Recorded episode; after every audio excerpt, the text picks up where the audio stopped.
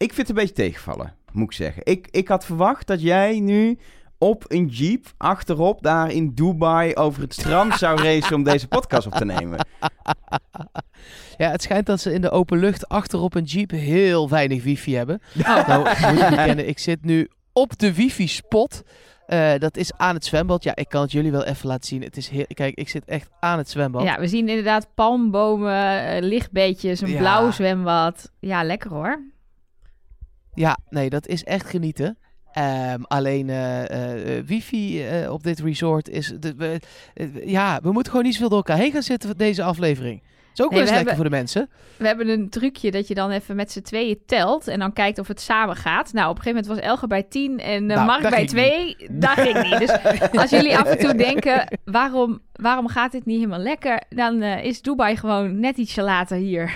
En wij ietsje eerder in Dubai of andersom, ik weet het niet. Maar, eh, maar nu zit je in Dubai, toch? Vorige keer was het Abu Dhabi. Nu in Dubai. Eh, en met een beetje geluk gaan we overmorgen naar huis. Dus volgende week zit je hier in Utrecht. Yes! Het moet niet gekker worden. Zin in. Wauw. Wereldreiziger, hè? Abu Ja. Dhabi, Dubai, Utrecht. Maakt mij allemaal niet uit. Ehm, ik heb een goed eh, plan. Laten we een podcast gaan maken.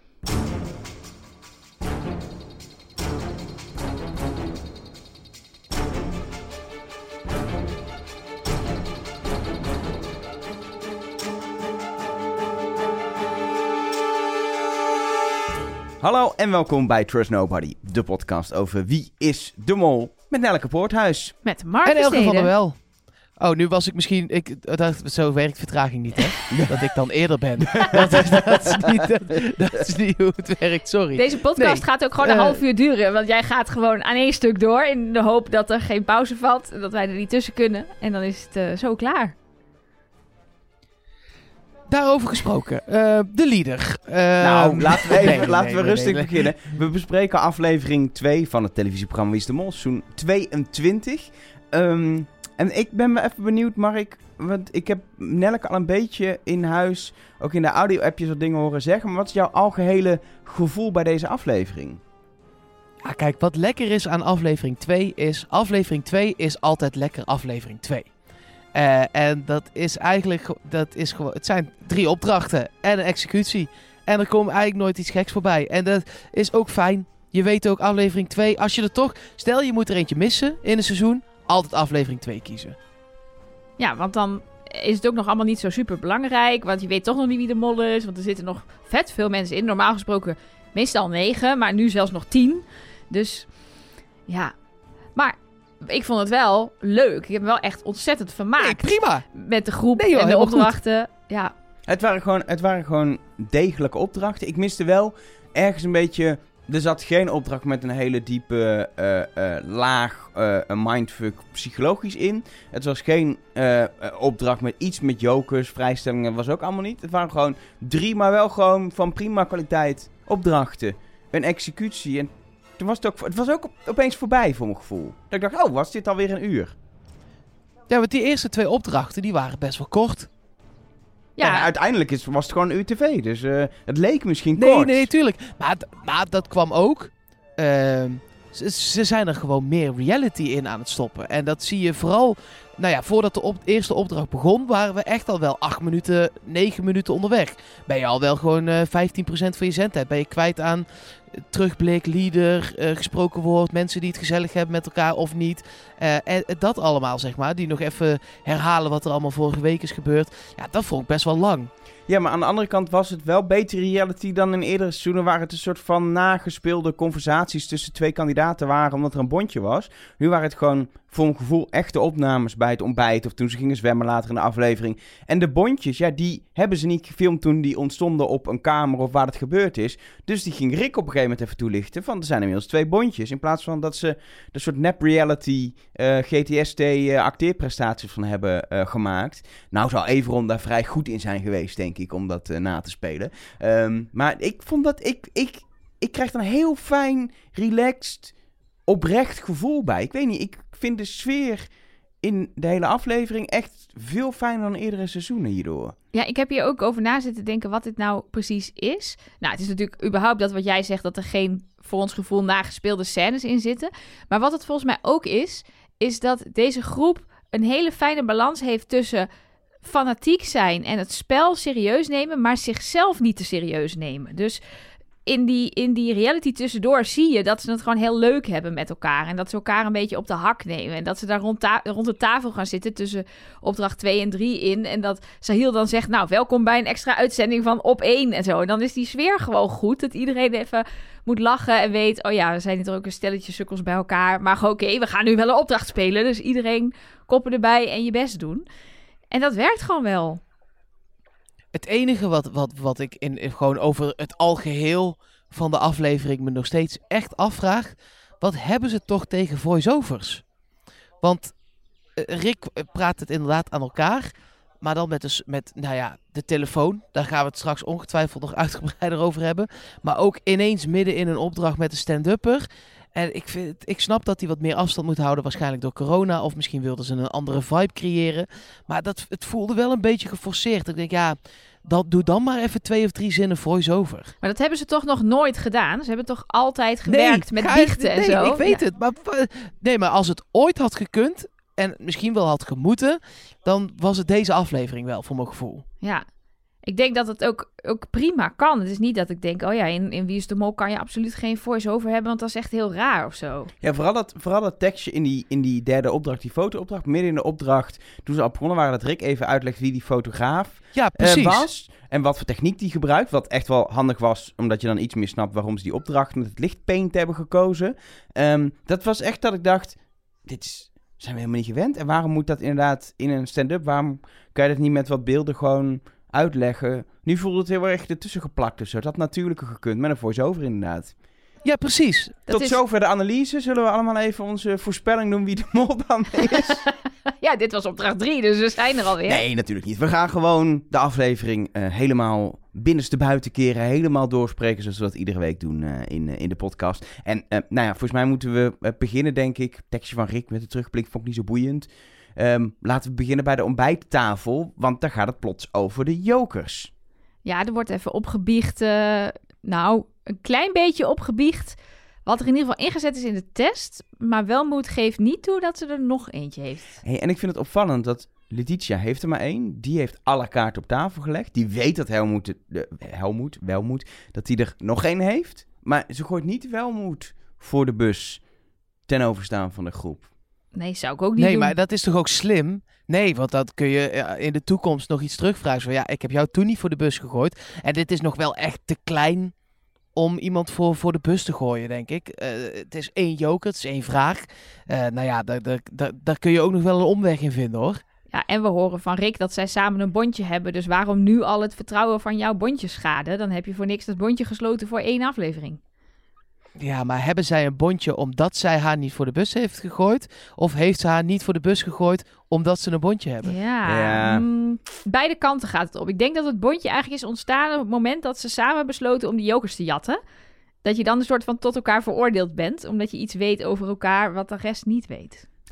Vervolgens, ehm, Nou ja, en omdat je dan weet dat je het op dezelfde manier wil spelen. Precies, ja, Ja. dat je daar hetzelfde in staat inderdaad. ja, true. En eh, ehm, ik, de- ik denk dat dat ook wel, ja, als ze er lang in blijven, heb ik gevoel zo'n bondje blijft die tot de finale kan eh, bestaan. Ehm, en dan hoop ik voor beide dat niet een van de twee de mol is, want dan is er een eh, vriendschap flink eh, verpest voordat het programma afgelopen is, zeg maar. Ehm, eh, vervolgens gebeurt er nog iets aan de bijtafel, is namelijk de telefoon. Eh, nu hebben we wel vaak je bedoelt, gehad... er gaat een mandje met walnoten rinkelen. Ja,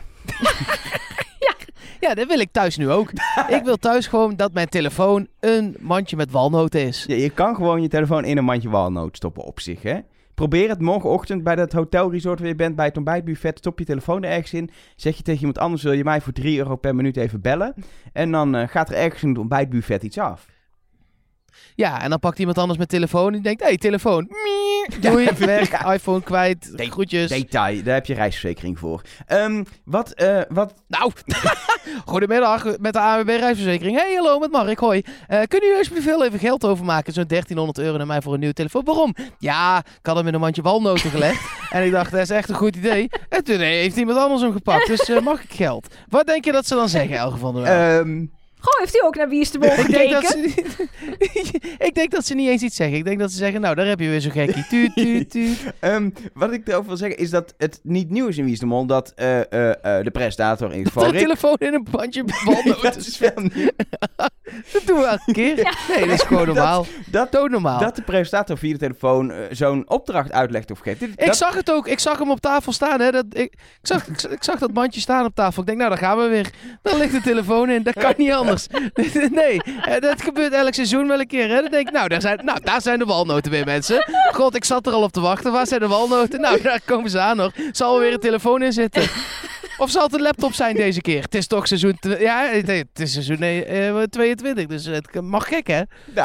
Ehm, maar wat ik probeer, het punt ik probeer te maken is dat zo'n telefoon, dat dat niet nieuw is, maar dat Als je een nu, punt aan het maken. Ja, dat die, dat die de hele reis meegenomen moet worden, alsof het een, nou, een soort tackle Alsof is. iets soort Isidore is inderdaad, maar dan net iets Voor de makkelijker. kijkers van de Mol in België was een heel een hond mee moesten nemen. Ehm, dat is wel eh, eh, een nieuw element. En ik ben wel benieuwd wat ze nog met die telefoon gaan doen. We hebben natuurlijk opdracht 3 wat gezien, maar je kan er nog bellen. veel meer mee. Maar dat denk ik, hè? Ik denk Bellen? bellen. Nee. Ja, denk ik. Candy Crush, denk Ja. ik.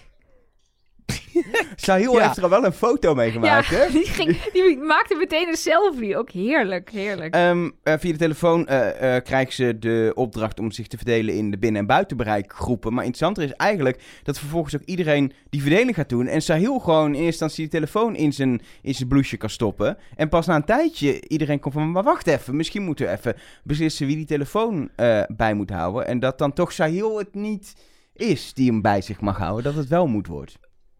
Maar ik vond het sowieso best wel raar. Want ze krijgen die opdracht. En voor mijn gevoel gaan er dan twee even naar de wc. Dan gaan er nog drie zwemmen. Dan gaat iemand even naar de kamer om zijn oplader te pakken. Dit ga je toch meteen even aftikken? Niet eens ook wie de telefoon heeft, maar ook wie er in die groepen moet. Ja, maar volgens mij werden ze gebeld op een moment dat er drie mensen niet waren. Letitia, Kim Lian en Hila.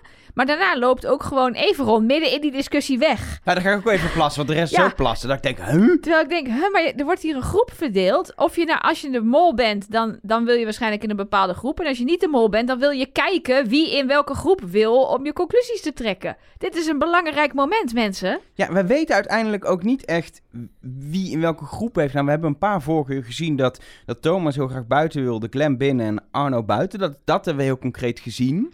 Dat ze dat zeiden. Ehm, maar verder weten we helemaal niet ook wat de voorkeuren van kandidaten waren en hoe het precies tot stand is gekomen. Nee, en wat mij dus ook opviel was dat ze heel, heel erg mensen aan het testen was. Die had volgens mij wel door van, hey, dit is een moment waarop ik moet opletten. Want die vroeg constant aan iedereen, wat wil jij? Wat wil jij? Wie wil wat? En was de hele tijd om zich heen aan het kijken.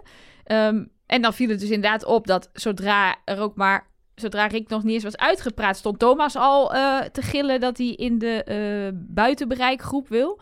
Arno wilde dat ook, inderdaad, wat jij zei. Maar aan de andere kant denk ik ook, stel je bent de mol en je hebt hier een opdracht gekregen om in een bepaalde groep te zitten. Zullen we zo even over hebben of dat handig is. Maar dan zorg je toch dat je bij het ontbijt blijft, want je weet dat die telefoon zo gaat. En dan ga je niet weg. Nee, dat, dat lijkt me inderdaad ook tenzij, en dat doen ze ook wel eens, als mol wil je ook niet elk detail altijd hebben, want dan kun je ook veel spontaan reageren. En is het echt belangrijk om te weten dat dit via een telefoon is gegaan? Of weet je gewoon, jullie gaan je verdelen in twee groepen en weet je ook niet op het moment Nee, wanneer. Ja, tuurlijk. dan is het wel onhandig dat je bent gaan plassen. Nee, maar eh, het is niet alleen een telefoon die voor deze opdracht eh, eh, is. Het is een telefoon die de hele reis meegaat. Dus jij, jij, jij zegt wel, soms wil je als mol niet alle details weten. Maar dit gaat verder dan dat het een detail is. Dit, dit is een waarschijnlijk belangrijk communicatiemiddel in de rest van de reis. Anders wordt er ook niet zo de nadruk op gelegd. Nee, en ik bedacht me bijvoorbeeld ook al dat bij opdracht 3 krijgt eh Welmoed de uitleg die alleen Letitia hoort. Dus als mol heb je dan ook de kans om dan net even het net niet helemaal lekker uit te leggen aan de groep, waardoor het fout loopt. Of het aantal eh, euro's dat te verdienen is net even anders te maken, zodat het niet opvalt dat jij tijdens de opdracht geld verduistert. Er zijn heel veel mogelijkheden op het moment dat jij de contactpersoon van Rick wordt. Los daarvan maakt het bij deze opdracht ook maar iets uit in welke groep je zit. Ja, dat is denk ik het belangrijkste als we deze opdracht spreken om, om, om te bespreken. Ik heb een idee bij deze opdracht, ehm, maar dat is mijn eigen conclusie, is dat... ehm, Heb jij de rest van de podcast gevuld met andermans conclusie? Ja, eh, ah, dat klopt. Ja, Ik- ik, heb Bert, ik heb Bert even gebeld. eh, vanuit het eh, mandje met walnoten. En die, eh, die zegt... eh, Nee, Nee. dat is deel B. Dan is de hotline. oh ja, sorry. Kom de ik zo walnoten terug. Ja. hotline. Ehm, nee, ik, zat, ik heb het idee dat ehm, in de eerste ronde ze die opdrachten. Er is er eentje gelukt in de eerste ronde. Dat was ehm, de- niet de beste opdracht om te laten lukken, maar dat was de, de honing met de munten. Ehm, en volgens in de tweede ronde is er één nieuwe opdracht bijgekomen. Het brandweerautootje. Maar Ik de heb dus het idee... dobbelstenen zijn toch ook gelukt in de eerste opdracht? Was dat in de eerste Ja, volgens mij wel. Want het was Arno nog die volgens mij riep... Blijf eraf, blijf eraf, het is gelukt. Oh, want ik had Maar dus het idee dat... Maar dat was, dan klopt die conclusie niet. Oké. Dat zeg maar voor elke opdracht die in de eerste ronde lukte, dat er bij de, bij de tweede ronde, dus bij de, bij de binnen, eh binnenbereikronde, op de schijf stonden, Ja. nieuwe opdrachten bij kwamen. Want er was opeens een brandweerautootje wat in de eerste ronde er niet was. Maar dus in ik de denk, eerste... dan is Ja, het maar dus... er werd ook wel gezegd... Ja, want het brandweerautootje was nog over. Dat is letterlijk gezegd. Dus als je dat letterlijk zou gaan nemen... dan betekent het dat hij er wel degelijk was. Alleen hij is niet in beeld genomen. Ja, dat is dus een beetje raar, want- het eh, is dus de vraag, heeft het wel of niet laten slagen van opdrachten in ronde 1 nog eh, invloed op het totaal aantal opdrachten en dus de kans hoeveel geld er verdiend kan worden? Dat is best wel een essentiële vraag die, die onduidelijk is, waar je alleen maar je eigen conclusies over eh eh, Sorry, kan maar ik vind wel dat als dat een ding is, zoals jij het nu uitlegt, vind ik echt dat dat gezegd moet worden. Want het is gewoon een, anders zitten we naar, dan kun je net zo goed helemaal geen uitleg meer geven. Want dat is gewoon echt een cruciaal onderdeel. Ja, dat bepaalt echt best wel veel natuurlijk. Nou, laten we er dan vanuit gaan dat, dat dat niet zo is. Ehm, dan is het minder van belang waar je als mol wil zitten. Maar nog steeds is als mol wel lekker om in de eerste ronde te zitten. Want je weet dat in die tweede ronde die honing iedereen om overslaat. Maar in die eerste ronde kun je gewoon gulzig meedoen aan honing pakken. En daarmee ja, toch een heleboel eh, verpesten. Ehm, en is de positie van Arno wel echt by far de beste. Dat hij als eh, eerste in de cirkel stond. Ja, en, buiten ook, de cirkel en ook de uitvoering. Want wat hij doet is inderdaad met twee handen die honing induiken. En vervolgens ook, wat Thomas al zei, niet op het idee komen om te zeggen... Sorry jongens, ik ben helemaal onder de honing. Laat de honing met rust. Ik word koning honing. En de rest van de opdracht eh, ben ik de enige die dit gaat doen.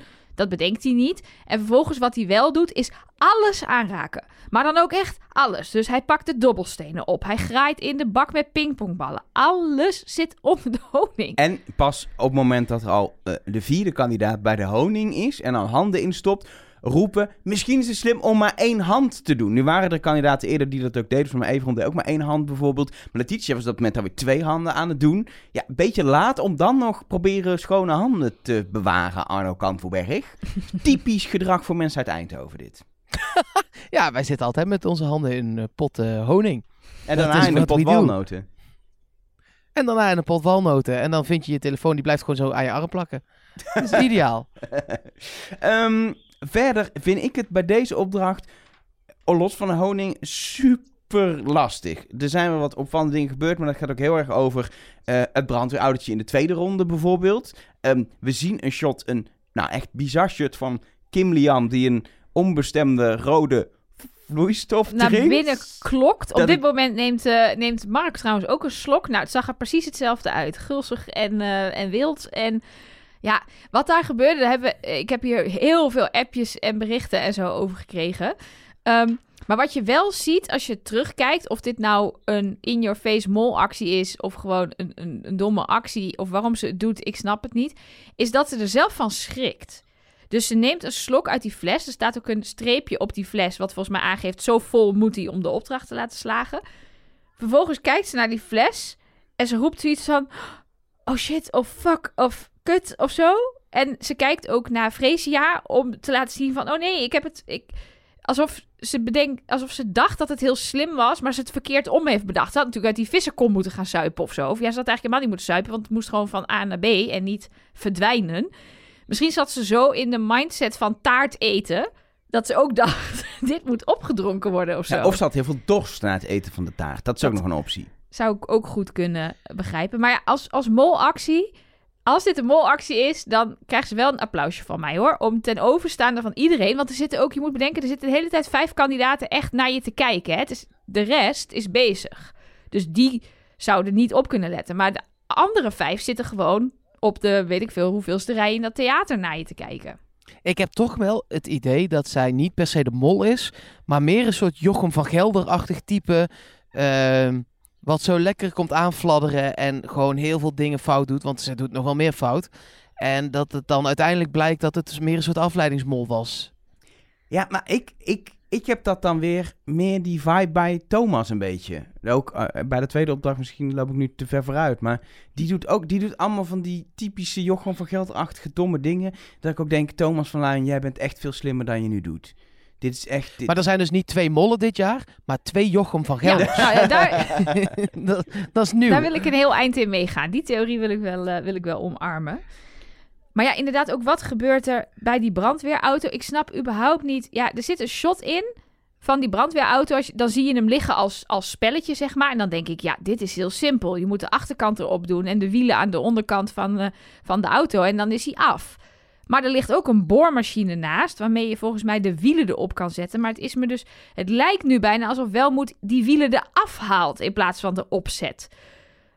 Maar ja, en vervolgens heb je natuurlijk het hele discussie waarbij Sahil en eh, Glenn elkaar verwijten dat zij degene zijn die de hele tijd die brandweerauto weer uit elkaar halen. Nou, Glenn heeft dat niet gedaan, denk ik. Vermoeden, klein vermoedentje. Nee, Maar wat gebeurt daar nee, dan? Maar dan zat ik ook te denken, als die steeds eh, inderdaad eh, een rondje uit elkaar wordt gehaald naar de Glenn aan de beurt is geweest, is het dan iemand die naast Glenn staat? Dat denk ik eigenlijk niet, want dat risico is te groot. Als Glenn het goed doet en jij gaat meteen weer slopen terwijl je naast hem staat. Dus dan zijn degenen die het verst van Glenn wegstaan, Sahil die door Glenn ook verdacht wordt gemaakt. Wat ik dan weer denk, ja, maar dat is dan wel weer heel opvallend. Ehm, en eh, Welmoed is de andere die, Ja. eh, eh, die verder weg staat op die draaischijf. Ehm, Mijn analyse is ook dat Welmoed er daar een potje van maakte bij de brandweerauto de hele tijd. Zo heb ik het gezien. Maar ja, dat is met de be- beperkte beelden die wij natuurlijk doorkrijgen van, eh, van de productie. Maar het is wel wel, moet hij op een gegeven moment weer bij die veren zegt... hé, hey, er zitten allemaal veren in de verkeerde enveloppen... en een poging doet om die veren weer in de juiste envelop te stoppen. Last minute, dat is ook wel een lekkere Ja, molactie... om het- helemaal op het einde hey, niet goed? Oh, gaat toch even goed doen. En het lukt dan niet. En dat heb je misschien zelf gedaan. Hoe lekker is het om je eigen fout te etaleren zonder te zeggen dat je het zelf hebt gedaan? Vorige ronde heb je al die veren in die verkeerde envelop gedrukt en daarna ga je erover klagen. We, we konden er al met al niet zo heel veel mee. Zeker niet in die tweede ronde. Nou, en wat mij ook nog heel erg opviel bij deze opdracht, ehm, en dat is wel meer in deze aflevering, is dat er heel veel van de dingen die wij normaal analyseren in de podcast door de kandidaten al in de biecht geanalyseerd worden. Dus Ja, er kwam best al veel. En of het dan waar is of niet, dat is altijd maar de vraag natuurlijk. Ja. Maar er, er kwam al best wel veel mee. ja, want Welmoed heeft het erover. Goh, als mol wil je natuurlijk in de groep buiten bereik. Want dan kan je lekker er een puinzooi van maken. En als wij aan de beurt zijn, is alles al één grote puinhoop geworden. En vervolgens Letitia, wat wij ook heel vaak doen is... Nou, er is zoveel geld opgehaald, maar ja, we weten niet precies welke opdracht er geslaagd is. Nou, dat laten ze dan nu Letitia even vertellen. Dat zij het ook niet helemaal precies weet, maar denkt dat het eh, de... eh, wat was het ook alweer? De, de bestek, de honing en de dobbelstenen zijn. Leek mij ook wel het meest logisch overigens. Dat het De die dobbelstenen weten we eigenlijk wel zeker. Of de mol moet echt op het laatste moment nog zo hihi hebben gedaan. Zo, zo één, één dobbelsteentje nog net een kwart hebben gekanteld. Ja, of, Maar die was af. Dat hebben we ook gehoord. Dat hebben ze geroepen. Ja, dus of- die weten we wel zeker. of ze hebben ze neergelegd terwijl ze gegooid moesten worden. Maar dan had ik denk ik wel Nee, gehoord was- van Rick dat het niet op de Ja. goede manier was gebeurd. Zoals ook bij de knikkertjes met eh Ja, chopsticks. maar dat, dat werd ook meteen gecorrigeerd. Want Arno begon de eerste dobbelstenen gewoon neer te leggen. En toen ging iedereen roepen, nee, je moet gooien, je moet gooien. Dus dan neem ik aan dat dat uiteindelijk Precies. goed is gegaan. Nou, munt uit de honing Dat is lijkt me sowieso goed gegaan. Eh, er is 10 euro eh, met één pingpongballetje van 10 euro in die vaas gegooid. Terwijl er waren pingpongballetjes van 250 euro. En 500. En van 500 100 zelfs? en 500 en 150. Dus dat was ja, ook, kijk, er was 2500 euro te verdienen. En met elke opdracht 100 euro. Dus bijna elke opdracht werd omgeroepen als 100 euro. Behalve bijvoorbeeld de groene knikkers, die waren 25 euro per knikker. Ja, ik heb geen idee hoeveel knikkers erin Meer zaten. dan 4. Maar het werd in ieder geval afgekeurd doordat mensen er met hun fikken aan hebben gezeten. in plaats met van een- met of een, In plaats van met stokjes. ja, met van alles en nog wat in ieder geval. Ehm, en, maar in die, in die pingpongballen ding, daar zag ik op zijn minst 1000 euro zitten. Want er zag, ik zag 250, ik zag 500 en ik zag heel vaak 10. Dus dat was minimaal 1000 euro. Dus dat is al... Ja, dat was verreweg de opdracht waar je het meeste mee kon verdienen. En ik ben ook, want we hebben niet... eh, je weet niet precies waar het begin zit. En dat vond ik lastig, want je ziet sommige mensen wel een balletje gooien. Ehm, kijk, de, de tactiek is eerst proberen met 10. Zeg maar. En dan ga je met 20. En dan op het eind, als je, de, als je de, de vibe hebt, als je denkt, oh ja, daar is het. Dan ga je met die 250 en die 500's gooien. Maar voor mijn gevoel werden die als eerst gepakt. En dat zou ik wel echt een hele goede molactie hebben gevonden. Om, die, om de hoge bedragen als eerste te gaan gooien. En dan zo, oh ja, nee, maar dat was een eerste worp. En dan die 10 euro raak te gooien aan het eind. Ja, dat zou ik fantastisch vinden. Wat, wat mij wel opviel, wat ik in ieder geval zo heb herinnerd, is dat in de tweede ronde, dus de binnenbereikronde, de, toen Vrees ook ging gooien, nog hoge bedragen in zaten. Dus niet dat Arno, zeg maar, met zijn honingvingers alle 250 euro en 500 euro ballen heeft gepakt en zo naar beneden heeft laten. Maar ik zag sowieso een aantal kandidaten gewoon zonder te kijken graaien in die pingpongbak. Ja. En gewoon random richting die lege vissenkom smijten. Dat ik denk, oké, nou ja, wat ze al zeiden, hun voornemen was om even rustig adem te halen en na te denken. Maar dat werd door vele mensen weer niet gedaan. Zal ik een, eh, een kleine afrekening doen of willen jullie er nog iets over zeggen over deze opdracht? Een kleine afrekening in het molotige circuit. Lijkt mij goed. Ehm, deze opdracht heeft een taart gekost die ik best graag had willen eten. Zag er mooi uit. Maar hij heeft ook geld opgeleverd. 310 euro. Er zat 1500 euro in de pot. Dat brengt de pot op 1810 euro. En daarna gaan de kandidaten eh, busjes in. Ehm, wordt er nog gevraagd naar het eh, eh, bondje van Freesia en Everon door Kim Lian. En eh, gaat wel moet nog proberen Rick te bellen, maar ze krijgt de abonnese KPN automatische dit nummer is niet bereik melding. Tenminste, dat was de conclusie die ik trok uit wat ik in het abonnees daar eh, hoorde. Ehm, en ze rijden eh, nou, heel mooi richting, eh, nou, ik denk wel een van de mooiste kusten van Europa, als ik het zo zag. Zeker, mag ik voordat we daar naartoe gaan nog één, want dit is heel leuk.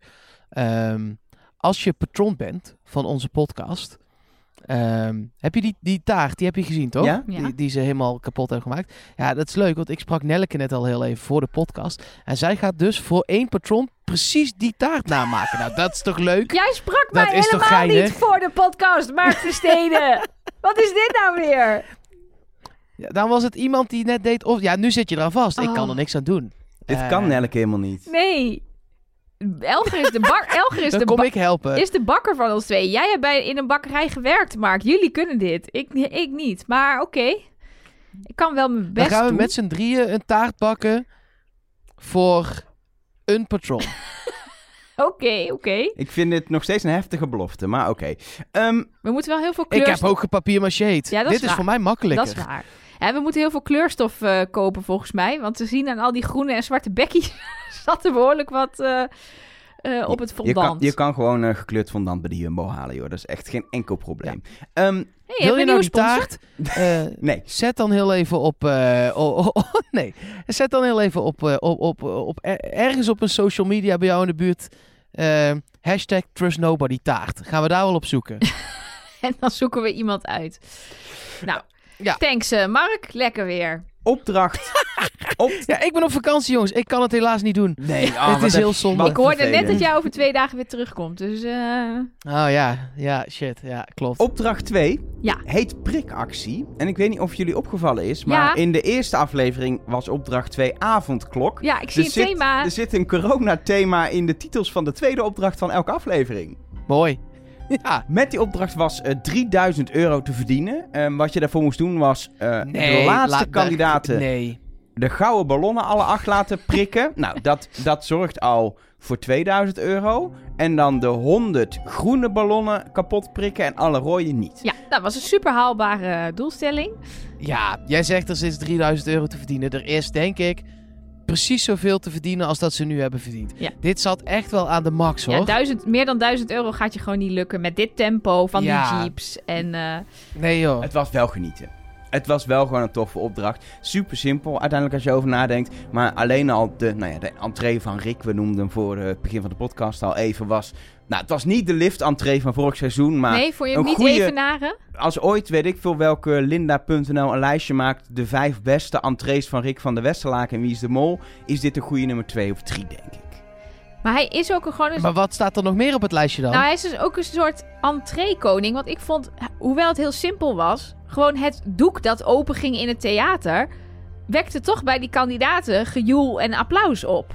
Er, er is iets met hoe, hoe hij daar dan staat. Of, of Het, is, het komt omdat, omdat hij Omdat je gewoon... Je ziet dat Rick van der Westlaken, die volgens mij inmiddels toch al redelijk richting eind 40 gaat... diep van binnen nog steeds een jongetje van een jaar of is. En op het moment dat hij een entree mag maken, zie je aan zijn hele lichaamshouding, maar vooral ook zijn, zijn gezicht, zie je dat hij dat jongetje van tien is. En dat hij, hij kan niet onderdrukken om te laten zien hoe leuk hij het vindt. Dan staat hij op die, op die auto, op die pick-up truck achterop, staat hij in, de, in het shot eerst nog heel stoer te doen. Maar zodra de kandidaten hem zien, dan, dan lukt het hem niet om niet die, die grimas naar voren te halen. Hoe blij hij is dat hij dit mag doen en hoe leuk hij, hoe hij ervan geniet. Heb je, heb je mijn Ja, belletje ik wou bij de net hand? zeggen, ik, te zien aan jouw hoofd, Kun je er heel even op slaan? moeten wij even op het belletje slaan. Ik heb hier het belletje van Mark. Eh, ja, jij zei hij gaat eh, tegen de eind 40. Eh, hij is de 50 al in zelfs. Nee! Echt? Oh, dat... Hij komt uit 71 en ik probeerde even snel te tellen, maar er is volgens mij 52 jaar nu. Nou, dan wordt hij 51 dit jaar. Dan is hij nu 50. Tenzij die 2 Het is januari jarig 2022. is of zo. Nee, nee, nee, je hebt helemaal gelijk. 51. Nog, er moet nog 52 worden. Helemaal gelijk. Nee, dan is hij nu 50 en moet hij nog 51 worden, Mark Versteden. Maar dat ligt eraan wanneer die jarig is. Ja, niet begin januari. 22 april. Precies. Ja, precies. Rick is dus gewoon 50. Nou, mag ik dan even tekenen? Als ik op mijn 50ste er nog zo uitzie, dan eh, ben ik heel blij. Nou, jij kan je vertellen, op je Maar- 35ste zie je er al niet meer zo uit. Dus eh, Nou, hele niet leuke opdracht deden ze. Ze gingen een ballon eh, eh, eh, prikken. En ehm, wat wil je als mol? eh, ja, volgens mij maakt het niet zo heel veel uit bij deze opdracht. Want het effect van een gouden ballon niet prikken als laatste is even groot als het effect van een gouden ballon wel prikken in een eerdere ronde. Niet helemaal mee eens. Oké, verklaart u nader. Ik denk dat je echt wel als laatste wil. In een ideaal scenario. Of, dat dan, of je dat er dan echt doorheen wilt drukken, zeg maar. Dat weet ik niet. Kijk, ehm, spoiler alert. Van een van de twee die als laatste gingen, weten we... Nou, dat... eh, sorry, nee, die ging als eerste. Ja, die ging als Ik, eerste. ik, dacht, ik zat heel even verkeerd. Ja, sorry. Nee, ik dacht, die is niet de mol, maar dat kan nog steeds wel. Maar je wil wel als laatste, want eh, een gele ballon bewust niet raken... is een stuk makkelijker Ja. dan eh, in het voortraject een gele ballon bewust per ongeluk wel raken. Want die auto's die chasen gewoon aan alle kanten er voorbij. Ja, maar het punt is wel, als je dan nu kijkt naar ehm, eh, de situatie waar we in zitten, is dat de twee kandidaten die eh, uiteindelijk als laatste mochten, Everon en Arno, ja, ja. allebei twee ballonnen hebben gepopt. Dus dat ze gewoon flink wat geld in het laadje hebben gebracht. Ja, 300 euro. Ja, maar toch. Ja, daar is, als je echt goede mol 300 bent, kan je niet die gouden kapot prikken. Er is geen, je hoeft niet, zeg maar, eh, dat het heel erg opvalt als je het niet goed doet, zeg maar. Maar het was gewoon heel moeilijk. Nee, eh, eh, ben ik met je eens. Het was wel Zeker. Arno die het hardste riep dat hij als laatste wilde. Eh, en Everon, wat we hebben gezien, werd daar een beetje bijgehaald. Ook omdat hij lang was. Maar zei in de biecht wel dat hij heel graag als laatste wilde. En dat het dus gelukt was. Ja, bij Arno Ja. heb ik ook wel het idee dat hij, sowieso je wilt als kandidaat, maar dat hij ook wel dacht, ja, ik ben ook echt de langste, dat is echt handig, laat mij dat nou doen. Dus dat hij het daar gewoon wel maar die wilde. stok is toch ook gewoon lang? Ik vond het echt een drogreden. Nou, volgens mij zei Letitia, die zei dat ze best wel moeite had om de ballonnen te bereiken. Dus, Ja, maar Kim Lian had dan weer helemaal geen moeite om een gouden ballon te bereiken. Terwijl die nee, volgens mij de kleinste is. Nee, precies. Ja, want, Eh, Nou ja, en Freesia is voor mijn gevoel ook niet heel erg lang. want er zijn Nee. door, de, door de kandidaten twee, wat we weten, twee eh, gouden ehm, eh, ballonnen kapot geprikt. Ja, door Kim Lian en door Sahil. Ja. Dat is wat we in ieder geval, we hebben het niet allemaal letterlijk gezien, maar ook uit dat weer een zeiden de- biecht van ze- Hila geloof Nee, ik. maar dat zeiden de kandidaten die op het strand stonden te kijken. Die zeiden met de hele groep... de- jullie hebben allebei een Jij gouden hebt- ballon geprikt. ja. Dus dan denk ik dat ze dat wel goed hebben gezien. Volgens mij kan je namelijk redelijk goed zien wat er naar beneden valt qua restje ballon. Wij konden dat op tv niet zo heel goed zien wat er werd geraakt. Maar ja, maar ja dus dat kan een molactie zijn. En het missen van een gouden ballon in de laatste ronde kan ook een molactie zijn. Of je gaat gewoon als een kip zonder kop hakken en je denkt... ja, ik zie wel, ik raak waarschijnlijk meer rood en goud dan groen. Wat ik, wat ik dan weer denk, wat, wat ik als mol nooit zou doen, is in het proefrondje een beetje verdwaasd doen. Oh, was dit het proefrondje? Gaan prikken. En dat dan daarvoor een correctie komt van 90 euro. Dan heb je jezelf zo in de kijker gespeeld. voor een molactie van 90 euro. Nou weten we dat er kleinere molacties zijn geweest in het verleden, maar die waren ook iets minder opvallend dan deze. Dus bij Thomas denk ik wel echt, ja, dit, dit, dit doe je als mol toch niet? Ja, ik, ik zou... Nee, dat ben ik een beetje eens. Maar ik zit dan wel... Te, wat, wat volgens mij het probleem is bij Thomas... is dat hij daarna dan volgens mij het leuk vindt... om er een beetje mee aan de haal te gaan. Dus dat zag je bij die som vorige week ook. Dan, hij, hij maakt een fout. Hij wordt daarop gewezen. En in plaats van dat hij dan zegt... oh, wat dom van me of zo... dan gaat hij zeggen... nou, ik doe dat lekker wel... Ik verplaats alle gele ook. En nu ook weer, dan komt hij terug bij die groep en dan zegt hij: Ja, ik mocht eh, twee keer, drie keer, hahaha. Ja. Dus waardoor je dan denkt: hmm, zit hij hier nu de boel te fucken? Terwijl volgens mij vindt hij het dan gewoon leuk om zijn eigen domme fout een beetje eh, verdacht te maken. Nee, dat is wel zo. Alleen, dat, ik vind dat dan nog steeds niet mollerig gedrag. Nee. Want, want je, je hoort, ik weet niet hoe goed... Kijk, hij stond op die wagen en ik weet niet hoe goed hij dan de rest van de groep heeft gehoord. Ja, niet, Maar denk ik. Vanaf de allereerste ballon in het proefrondje riep iedereen... Dat moet je niet doen, dat mag niet, dat kan niet. Stop, stop, niet doen! Dus oh, het was ook, ik zou het me nog kunnen voorstellen dat je dat als mol doet. En dat er daarna nog heel veel mensen moeten die dan denken, oh, maar dat ga ik ook doen. Maar blijkbaar was het wel zo goed uitgelegd dat iedereen snapte, ja, maar pik, dit is niet een ding nu. Nee, ik, maar ik wel, eh, de eerste opdracht met die stokken en er zijn vaker al momenten met Thomas geweest. Ik, ik, dit hebben we al zoveel gezien, de Jochem van Gelder-achtige kandidaten dingen. Ieder seizoen zit ze erin. Het hoeft voor mij gewoon niet meer. Ik, als die volgende week... Nee, maar, serieus, Ja, maar, als, nee, maar, als nee, Thomas maar, volgende week naar huis gaat, ben ik blij. En dat is jammer, want ik nee, vind het verder een leuke vent. ik- het, is, het is gewoon, wij hebben, wij zijn naar Tsjechië geweest. En daar hebben wij opdrachten nagespeeld. En daar hebben we ook ehm, gemerkt dat sommige dingen die op tv super makkelijk lijken, dat die best wel moeilijk zijn. Dus ik vind ook wel dat, dat, ehm, eh, dat je dat soort mensen wel heel even ehm, wat, wat, eh, het touw wat mag laten vieren. Ja, maar Elge, jij Dat- gaat er dus ja. vanuit dat hij dat opzettelijk doet. Ik ga ervan uit dat hij het Ja, per precies. ongeluk doet, maar daarna Ja, dus opzettelijk er mysterieus over doet. Omdat dat natuurlijk wel handig is voor het spel. Maar dat hij dus niet opzettelijk die actie uitvoert. Ja, maar het is wel nu al in elke aflevering een actie. Het is niet een keer een incident. Nee, maar het is gewoon een beetje een onhandige kluns. Ja, maar dat, ik geloof dat niet bij iemand als Thomas van Luijn dat het daadwerkelijk zo is. Ik wel. ik denk overigens denk wel ik. dat Elge gelijk heeft hoor. Dat hij er redelijk snel uit gaat vliegen. Want ze zijn het zo erg aan het, aan het aanzetten. Dat van Kim Lian. Want die doet dat eigenlijk ook. Ja. Maar dat is nog voor mijn gevoel wel echt wat meer onder de radar. In ieder geval op tv. Eh, en dat van hem wordt echt uitgelicht inderdaad. Met elke keer wat jij zegt net Nelleke. Die stukjes die er achteraan komen. En dat, je, dat ik ook wel het gevoel heb. Ja, die gaat er misschien dan wel snel uit. We moeten het misschien, Nelleke, in, in deel B even heel uitgebreid hebben over jouw eh, molpuntensysteem. En ik heb trouwens zelf ook een molpuntensysteem wat wij gebruiken om verdachte acties, Mhm. eh, eh, of juist niet verdachte acties, ehm, ja, een soort cijfertjes te geven, waardoor je uiteindelijk ja, gaat zien wie doet er nou wat verdacht of juist antiverdacht. Maar even voor mijn beeld bij deze opdracht, wat heb jij uitgedeeld aan, aan molpunten? En als je dan denkt, wat zijn het precies, dat leggen we later uitgebreid dan wel uit. Nou, mijn, onze molpuntensystemen verschillen een beetje van elkaar in hoe we dat doen. Ik En zeg net dat we het in deel B gaan Ja, uitleggen. En dan maar- ga je het toch uitleggen. Ja, maar ik, ah, ik kan wel uitleggen welke punten ik heb gegeven, maar dan, mag, maar dan weet, vertel ik niet waarom. Dat is toch niet boeiend? Ik kan wel zeggen, nou, Arno heeft een min, Everon heeft een min, Kim Lian heeft een plus, Sahil heeft een plus en Thomas heeft een plus. Maar Ja, dan is mijn eerste vraag waarom. En dan zitten we ja, in deel dan, B. waarom? Maar dat mag niet van jou, dat moet in deel B. Nee, eh, ik snap het. Want Arno en Evron hebben, hebben gouden ballonnen geprikt. Dus dat is, dat Ja. is min. Dat ja, maar is... nu ga jij het uitleggen voor Ja. Nelleke. Dus ik begrijp ook niet zo Dan goed. zitten we er alsnog. Ja, nee. Wil je nou het nu Ik of wil je nou Ik straks? wilde Wat alleen wil maar even nou? zeggen dat jij, hebt, jij noemt het verdachte en niet verdachte acties. Dat doe ik niet. Ik kijk naar wie doet iets wat geld oplevert en wie doet iets wat... Eigenlijk is het een soort follow the money zonder de bedragen te tellen.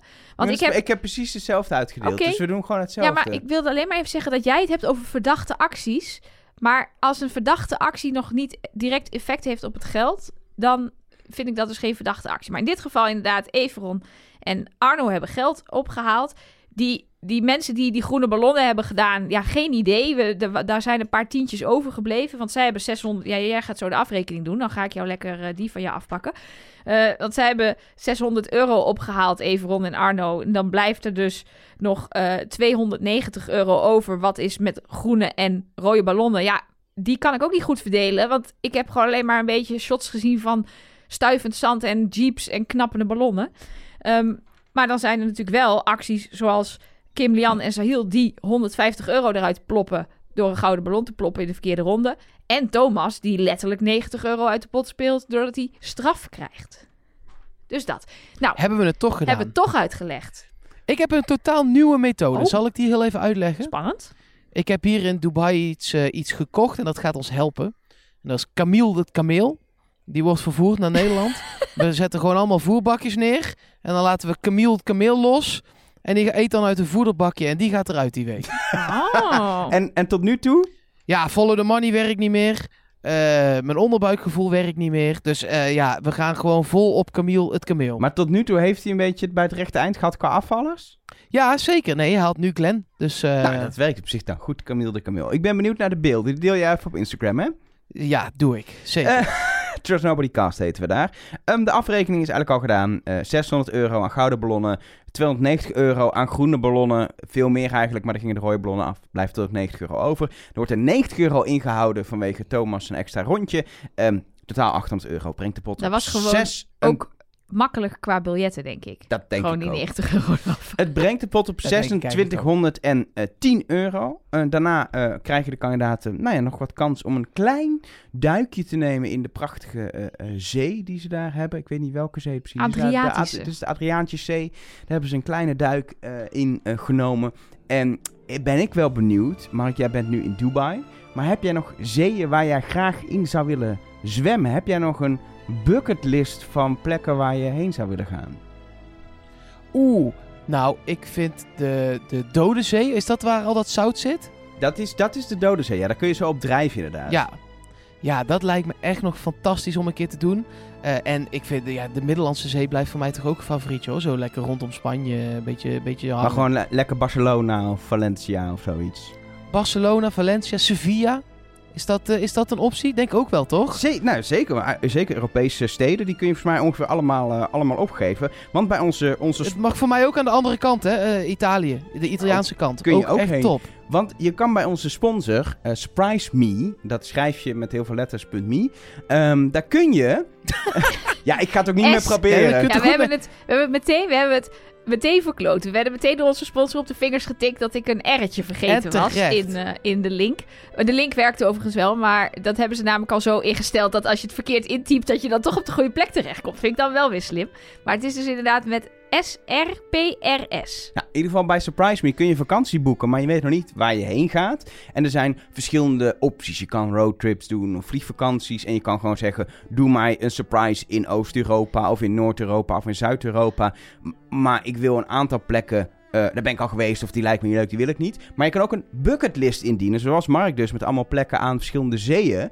En dan ga je naar een plek van je bucketlist, kun je dus iets afstrepen, maar vooraf weet je nog niet welke plek het is. Ik hoorde ook van een luisteraar, dat wist ik nog helemaal niet, maar dat vind ik wel heel erg leuk. Dat je ook gewoon in Nederland op pad kan. Dus dat je, dat is misschien nu met corona, dat je denkt, nou misschien is het niet heel handig om naar de andere kant van de wereld te vliegen. Mark Versteden. Nou, dat is mislukt. Nee hoor. Nou, nee, maar Nee. Ik, ik, ik kreeg daar serieus wel berichtjes over. Alleen dit was geel. Ja. Dus het was of gaan of 2300 euro eh, de, de prullenbak Ja, in. precies. Nee, ik bedoelde dat ook gewoon als grapje. Maar ik kan me voorstellen Nee, dat, je, dat er nu mensen zijn die denken, ik wil wel heel graag weg. Maar ik zie eh, de Adriatische Zee nu even niet zitten. Eh, maar ze doen dus ook dingen in, in Nederland. En er zijn echt, dat heb ik ook in de vorige lockdown ervaren. Wij zijn ook twee keer in Nederland op vakantie geweest. Er zijn echt plekken. je woont al 35 jaar in dit land en je hebt er nooit van gehoord. En het is er prachtig. En die ontdek Zeker. je pas als je niet ze zelf hoeft te bedenken. Want je kent ze dus niet. Nou, er is in ieder geval bij Surprise Me keuze genoeg. Alleen zij kiezen voor je. Je kan iets van voorkeuren doen. Een bucketlist in Nederland.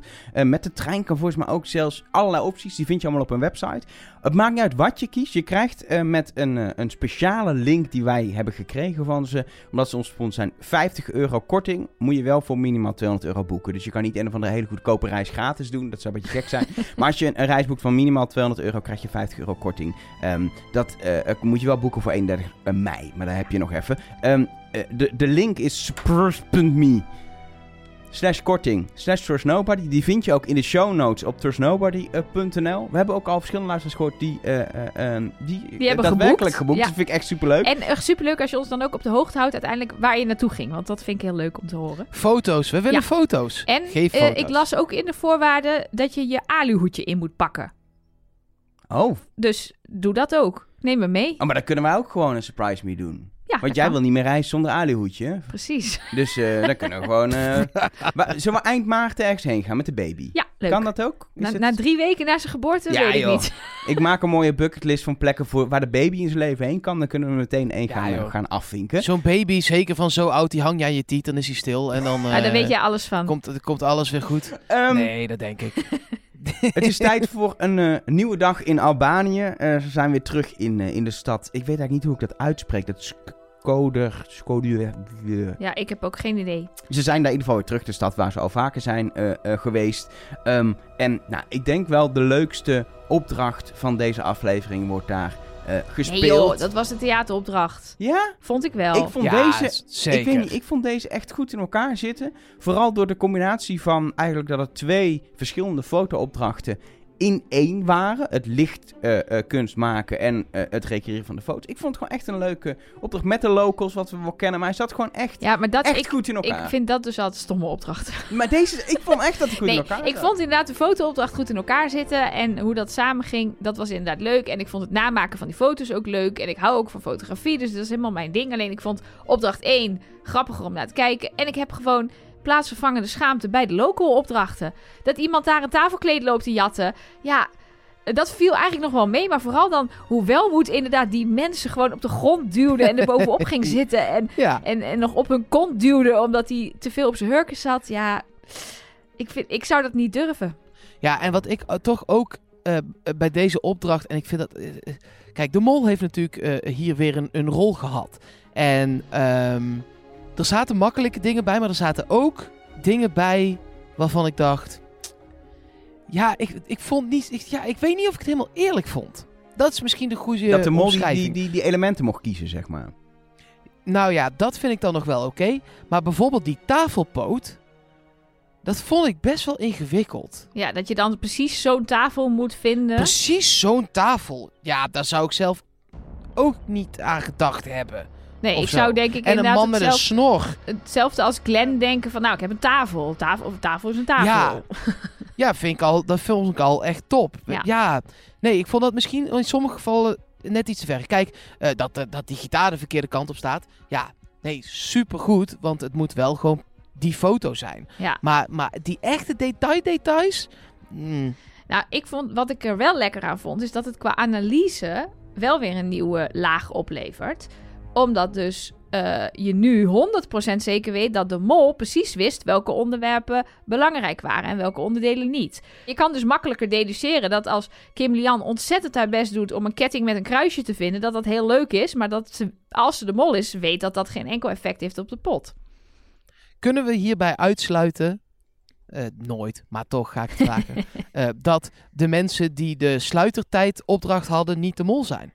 Ja, ik zou als mol daar niet willen zitten. Dat Je één. wilt toch je eigen punten verpesten? Ik, ik, zou Ja. er, ik zou er A niet willen zitten, want ehm, ehm, ja, je kan dat helemaal verpesten. ehm, en moet er nog even op, wat dan precies het effect is op de opdracht, is mij een beetje onduidelijk. Maar, maar, maar je kan in principe, als je eh, de, in de recreatiegroepen zit, kun je ook nog je eigen ding in ieder geval verpesten door hem niet goed te raden. Ehm, maar kun je vervolgens die recreatiedingen verpesten die je zelf hebt gecreëerd inderdaad. Dus ik, Ik denk heel dat recreatie, wa- waren ze aan het chillen, Waar, lagen ze aan een recreatieplas, maar je bedoelt recreatie van recreëren, het Ja. namaken van die foto. dat sorry.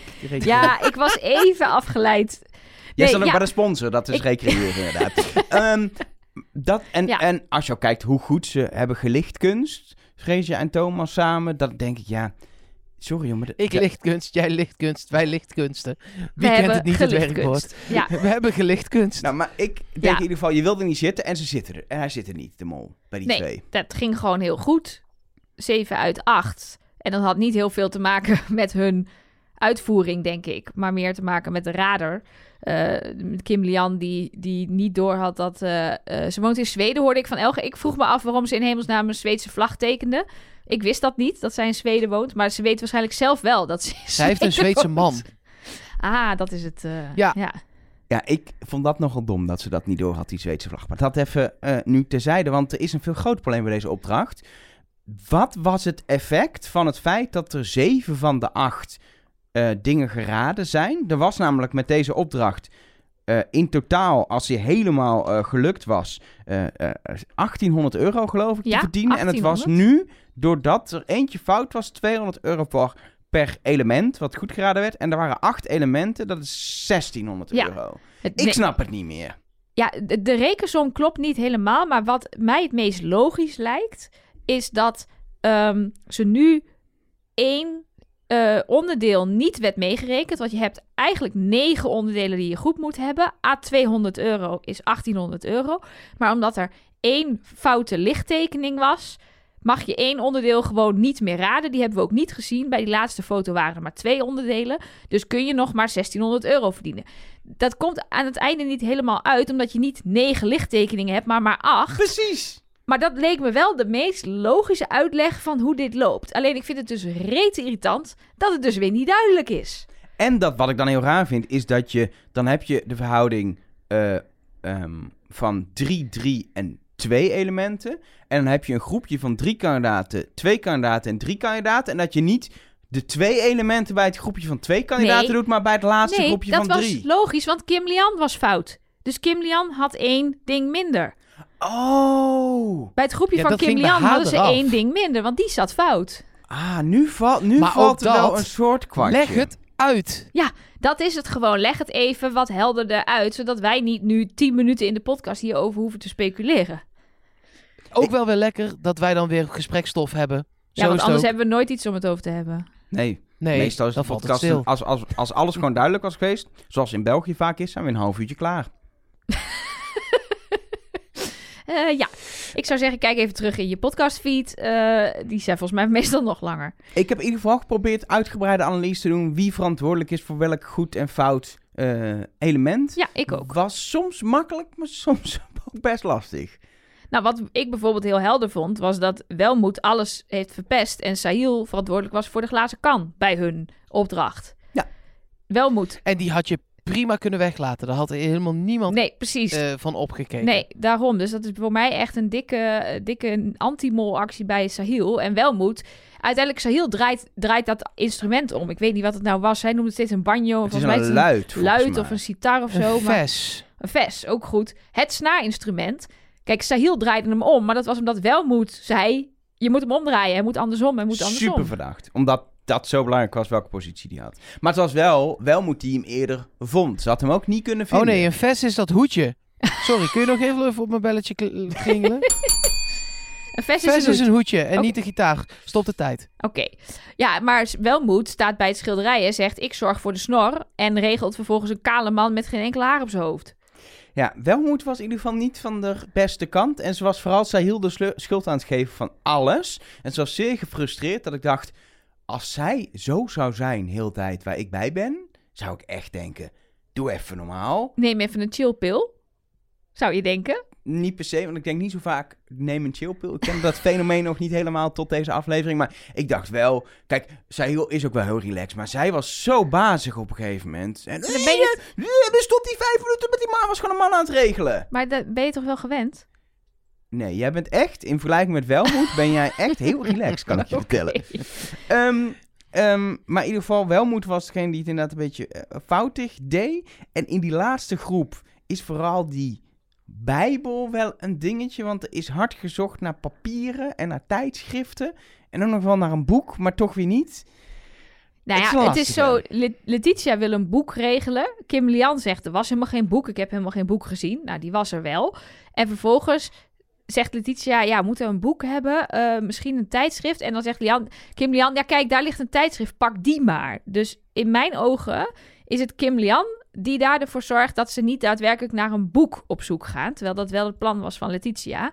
En het is Letitia die dat dan juist weer die witte hè? lakens regelt. Of het laken regelt en het ook daadwerkelijk over haar hoofd heen hangt. Wat ik, wat ik bij die ook nog wel een leuke vond, als mol, als die de mol zou zijn, was dat Everon aan het einde, vlak voordat ze klaar waren om een foto moesten maken, maar ze moest toch zwart aan?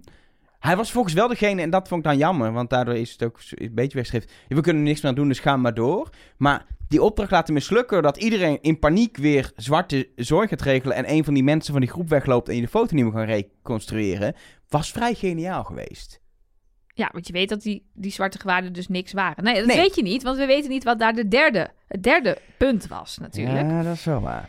Ehm, en dan moeten we misschien natuurlijk nog dat we heel dat veel nog gaan groep... zien aan het einde. Sorry Mark, wat zei je? Nee, misschien gaan we dat nog wel zien aan het eind. Wat dan de, de- het derde ding was en of dat fout of goed was. Oh ja, dat zou ik wel benieuwd naar zijn. Want ik wil altijd alles weten. Ik kan me bijvoorbeeld ook heel goed voorstellen dat eh, Kim Lian het bewust verkeerd zegt als ze de mol is. Omdat die derde eh, cirkel om een M staat ergens in de hoek die we niet hebben gezien.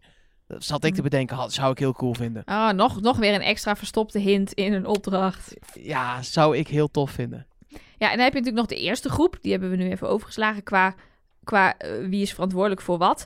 Ja, daar kunnen we ook niet heel veel uithalen. Want Glenn was verantwoordelijk voor de tafel die fout was. Arno voor de voet die goed lag. De voet van, eh van Hila. Ja, die- dat is nog wel een dingetje, dat Arno daar echt heel erg met die voet bezig is. Als je de mol bent, ga je die voet niet goed leggen. Nee. En Hila heeft duidelijk het tafelkleed geregeld en op het tafeltje gelegd. Dus ja, daar zou ik ook weer zeggen, eh, hebben we niet zoveel aan. Ehm, ja, we moeten het doen met inderdaad kleine acties eh, de ene of de andere kant op. Het levert in ieder geval uiteindelijk 800 euro op, terwijl het 1800 euro had kunnen zijn. Aan de andere kant, het waren echt kleine lastige elementen, dus vind ik het best een nette score. Het brengt de pot na twee afleveringen op 3410 euro. Nu heb ik niet alle potten van alle tweede afleveringen op een rij, maar er zijn slechtere seizoenen geweest volgens mij. Zeker weten. Dit is best wel, eh, best wel aardig. Ik schreef dat inderdaad op en toen dacht ik, oh, dit begint, dit begint op te lopen. Maar op zich wel lekker. komen we aan bij eh, de test op, nou ja, een echt een prachtige locatie. Mede door de lage zonstand aan het eind van de dag. Alle schaduwshots die we hebben gezien. Het was, het was gewoon echt wel eh, beeldtechnisch eh, genieten. Ik eh, keek dit terug en ik dacht, ik heb dit gisteravond helemaal niet gezien. ik ben dus hier in slaap gevallen. Nee! Ik ben dus nog... no- Ja, jij doet heel verbaasd. Die zat naast me. Ja, maar ik dacht dat jij pas na, de, na het Nee, einde in slaap Nou, was dat gevallen. dacht ik dus ook. Maar ik heb echt gewoon de, de- die geiten en dat verlaten station en, en die shots. Is ik- totaal aan jou voorbij is gegaan. helemaal aan mij voorbij gegaan. Ik was echt zo ontzettend moe. En het had echt niet zo heel veel met deze aflevering te maken. En dat het niet spannend genoeg zou zijn hoor. Maar het was echt. Ik, ik had echt moeite met mijn ogen openhouden. Ja. Maar het- bij het terugkijken zag ik inderdaad dat het weer prachtig was. Nou, wat we in ieder geval kunnen concluderen uit de verdenkingen waar we niet veel over mogen, mogen concluderen, maar is dat Sahil extreem verdacht wordt. In iedereen's lijstje, en er waren veel lange lijstjes van meerdere namen, zat eigenlijk wel eh Sahil en ook eh, Thomas werd vaak genoemd en ook Kim Lian nog wel een goede derde plek in die verdenkingenlijst. Sterker nog, van de tien kandidaten hebben we er maar zeven gehoord. Waaronder Sahil zelf. En de rest verdacht Sahil. Sahil zelf niet zichzelf. Nee, Dat- nou, nou, nee, dat weten we niet. Die zei ik ga spreiden. Dus ja, hij kan ook op zichzelf hebben ingezet. Ja. En ik heb geturfd. Het was inderdaad zes keer Sahil, vier keer Kim Lian en vier keer Thomas. En vooral die combinatie kwam opvallend vaak voor. Dus drie mensen verdenken en Kim en Sahil en Thomas. Ja, en eigenlijk kun je daar ook weer niks aan concluderen. Want, eh uitconcluderen. Want, kijk wat het is. Je, je zei het net al, Elge, die lijstjes waren zo lang van iedereen. Ze hadden eigenlijk gewoon, ja, ze hadden net zo goed iedereen kunnen opnoemen. Ja, Thomas noemt er vijf inderdaad. Dus ja, Ja, dat is al gauw de helft, met zichzelf erbij over de helft. Ja, zo kan ik het ook. Ja, en, en het punt dat we Arno, Kim Lian en Hila niet hebben gehoord, is ook nog wel een dingetje dat ze het, dat ze het daardoor ook kunnen laten vertekenen dat iedereen Sahil noemt bijvoorbeeld. Hè? Dat, Ja. dat, het is, ja. Zijn ehm, dat de drie finalisten misschien? Oh, zou kunnen. interessante theorie. Ja, het is toch altijd even, even afwachten ook natuurlijk. Hè? Ik bedoel, het is nu een groep van tien. Als er dan zeven mensen iets wel doen en drie niet, denk ik toch altijd even, zouden het de finalisten zijn? Ja. Ja. Dat is dan toch jouw... Je hebt toch een klein alihoedje op dan. Nou, over alihoedjes gesproken. Zometeen in het eh, eh, eh, deel B komt jouw hele alihoedjesblokje met alle eh, ehm, eh, ja, hints, theorieën, mogelijke verwijzingen naar de mol. Ehm, maar voor nu ehm, nemen we afscheid van eh, eh, Glenn. eh, jammer, want leuk kandidaat. Ehm, maar ik ben ergens ook wel blij dat we afscheid hebben genomen eh, van Glenn. Eh, want dat was natuurlijk mijn verdenking uit de vorige aflevering. Dan denk je, oh, Elges Moor gaat weer naar huis. Maar ik vind het wel fijn als er een... Ja, dat was precies wat ik dacht. nou, ik, Daar gaan we weer. ik vind het wel fijn als er een verdacht iemand naar huis gaat. Ik vind het jammer hoor, dat is een Ja. kandidaat. Ehm, en ik heb het dus niet goed tot nu toe. Maar dan heb ik eh, nieuwe kansen om erachter te komen wie de mol is. Ehm, maar de vraag is dan wie het is. Dat is nog even... Nou ja, eh, Eh, het, het is ook 50% van de vrijstellingen wat weg is, hè? Ja, Dat is ook belangrijk. ja, de kans dat eh, de mol een vrijstelling bemachtigd heeft, is inderdaad afgenomen nu. Ja, Dus eh, ja, dat gaan we zien. Misschien gaat uh, Everonde de volgende keer uit en Arno de keer daarna. En dan weten we precies wat er gaat gebeuren. Namelijk helemaal niks eh, met de pot. Nee. Maar misschien zij- zit er toch nog een finalist bij, bij Everon en Arno. En dan eh, wordt het spannend. het is eh, wel heel grappig. Wij kregen een berichtje op Instagram eh, van volgens mij een jongen die ook Mark heette. Ehm, en die zei, ehm, ja, ik heb iets gevonden, maar ik weet niet of jullie het willen zien. Eh, want ik denk dat dit 100% zeker leidt naar de mol. En wat wij dan vaak doen als iemand dat zegt, dan kijkt één van ons drieën. Zodat we, dan hebben we het in ieder geval gezien als een soort, nou ja, eh, we moeten het toch heel even zien. Ja. Want we zijn een podcast over Wie is de Mol. Precies. Ehm, maar dan is niet alle drie ons seizoen verpest. Stel, het is echt uitgelekte informatie. Ehm, en ik had dit gekeken. Ik zei tegen jullie, ja, nou ja, het zou kunnen, maar eh, eh, ik, ik, ik hou het wel gewoon heel even voor me. En dat ging over Glenn, dus Kijk. dat was mooi. Die, die is naar huis. Dus Mooi ja, dat zo. was goud. Ja, dus Ja. De, de zogenaamd gelekte, we weten bijna 100% zeker wie het is. Nope. Je weet het dus Nee. nooit. Nee. Nee, Ehm, ik moet dus wel een nieuwe verdachte Ja. kiezen. En ik ga dan gewoon heel hard af op ehm, eh, wie eh, heeft dingen gedaan die een mol zou doen om geld uit de pot te spelen. En eh, wie heeft juist geen dingen gedaan die een kandidaat zou doen, maar een mol niet zou doen. Want dat levert bijvoorbeeld geld op. Ehm, en dan komt het tot een conclusie waar ik eigenlijk van denk: maar nee, ze is het niet. Ja, ik heb hetzelfde. Maar ik ga er dan toch maar Oh. voor om gewoon ehm, de, de feiten dan te volgen. De feiten zoals we ze hebben gezien op tv. En dan kom ik eh, tot de conclusie dat Kim Lian van der Meij dan toch de mol zou moeten zijn. Dat, dat heb ik dus ook als ik inderdaad afga op de punten uit deze aflevering. Maar ja, ik eh, vertrouw dat ook niet helemaal. En ik, eh, ik, we weten ook dat de makers ook een handje van hebben om elke aflevering iemand dan heel erg zo acties in beeld te brengen en verdacht te laten ja, maar die van maken. Thomas zijn toch veel duidelijker? Eh, ja. Er wordt veel meer aandacht aan Ja. besteed. Ja, nog meer aandacht dan aan die van Kim Lian. Maar eh, Thomas heeft bijvoorbeeld in de derde opdracht bij mij dan weer geen molpunten gekregen. Want daar heeft hij gewoon die lichtopdracht heel goed gedaan. Terwijl Kim Lian daar juist eh, twee fouten maakt. Ze kiest zichzelf niet bij de lichttekening en ze regelt ja, geen, geen boek, geen bijbel. Ik eh, probeerde je er ook gewoon van af te praten, want ik ga ook voor Kim Lian. Dus ik dacht misschien dat jij dan nog iemand anders kiest. Nee, ja, ik dan kies, leuker. ik kies wel iemand anders. Maar jij gaat dus voor Kim oh, Lian. dan. Maar jij ja, gaat ja, dus... ik ga voor Kim Lian. Hmm. Ja, ik denk dan toch... ehm, ik ga dan niet Ze is het niet, maar eh, voor nu is, is zij degene die het meeste geld uit de pot houdt. En dan ga ik toch, kijk voor wie er afvalt, ga ik naar Camille, eh, eh, Kameeltje Camille. Maar voor, voor de mol eh, durf ik dat nog niet helemaal aan. Eh, mocht nou volgende week Freesia afvallen, want dat heeft eh Camille de Camille Ah, oké. gezegd. Goed om te weten. Dan ga ik ook overstappen op hem of haar, weet ik eigenlijk niet. Ga ik zo meteen eens controleren voor wie de mol is. Maar voor nu doe ik dat nog heel even met mijn eigen follow the money theorie. en dan kom ik ook bij Kim Lian uit.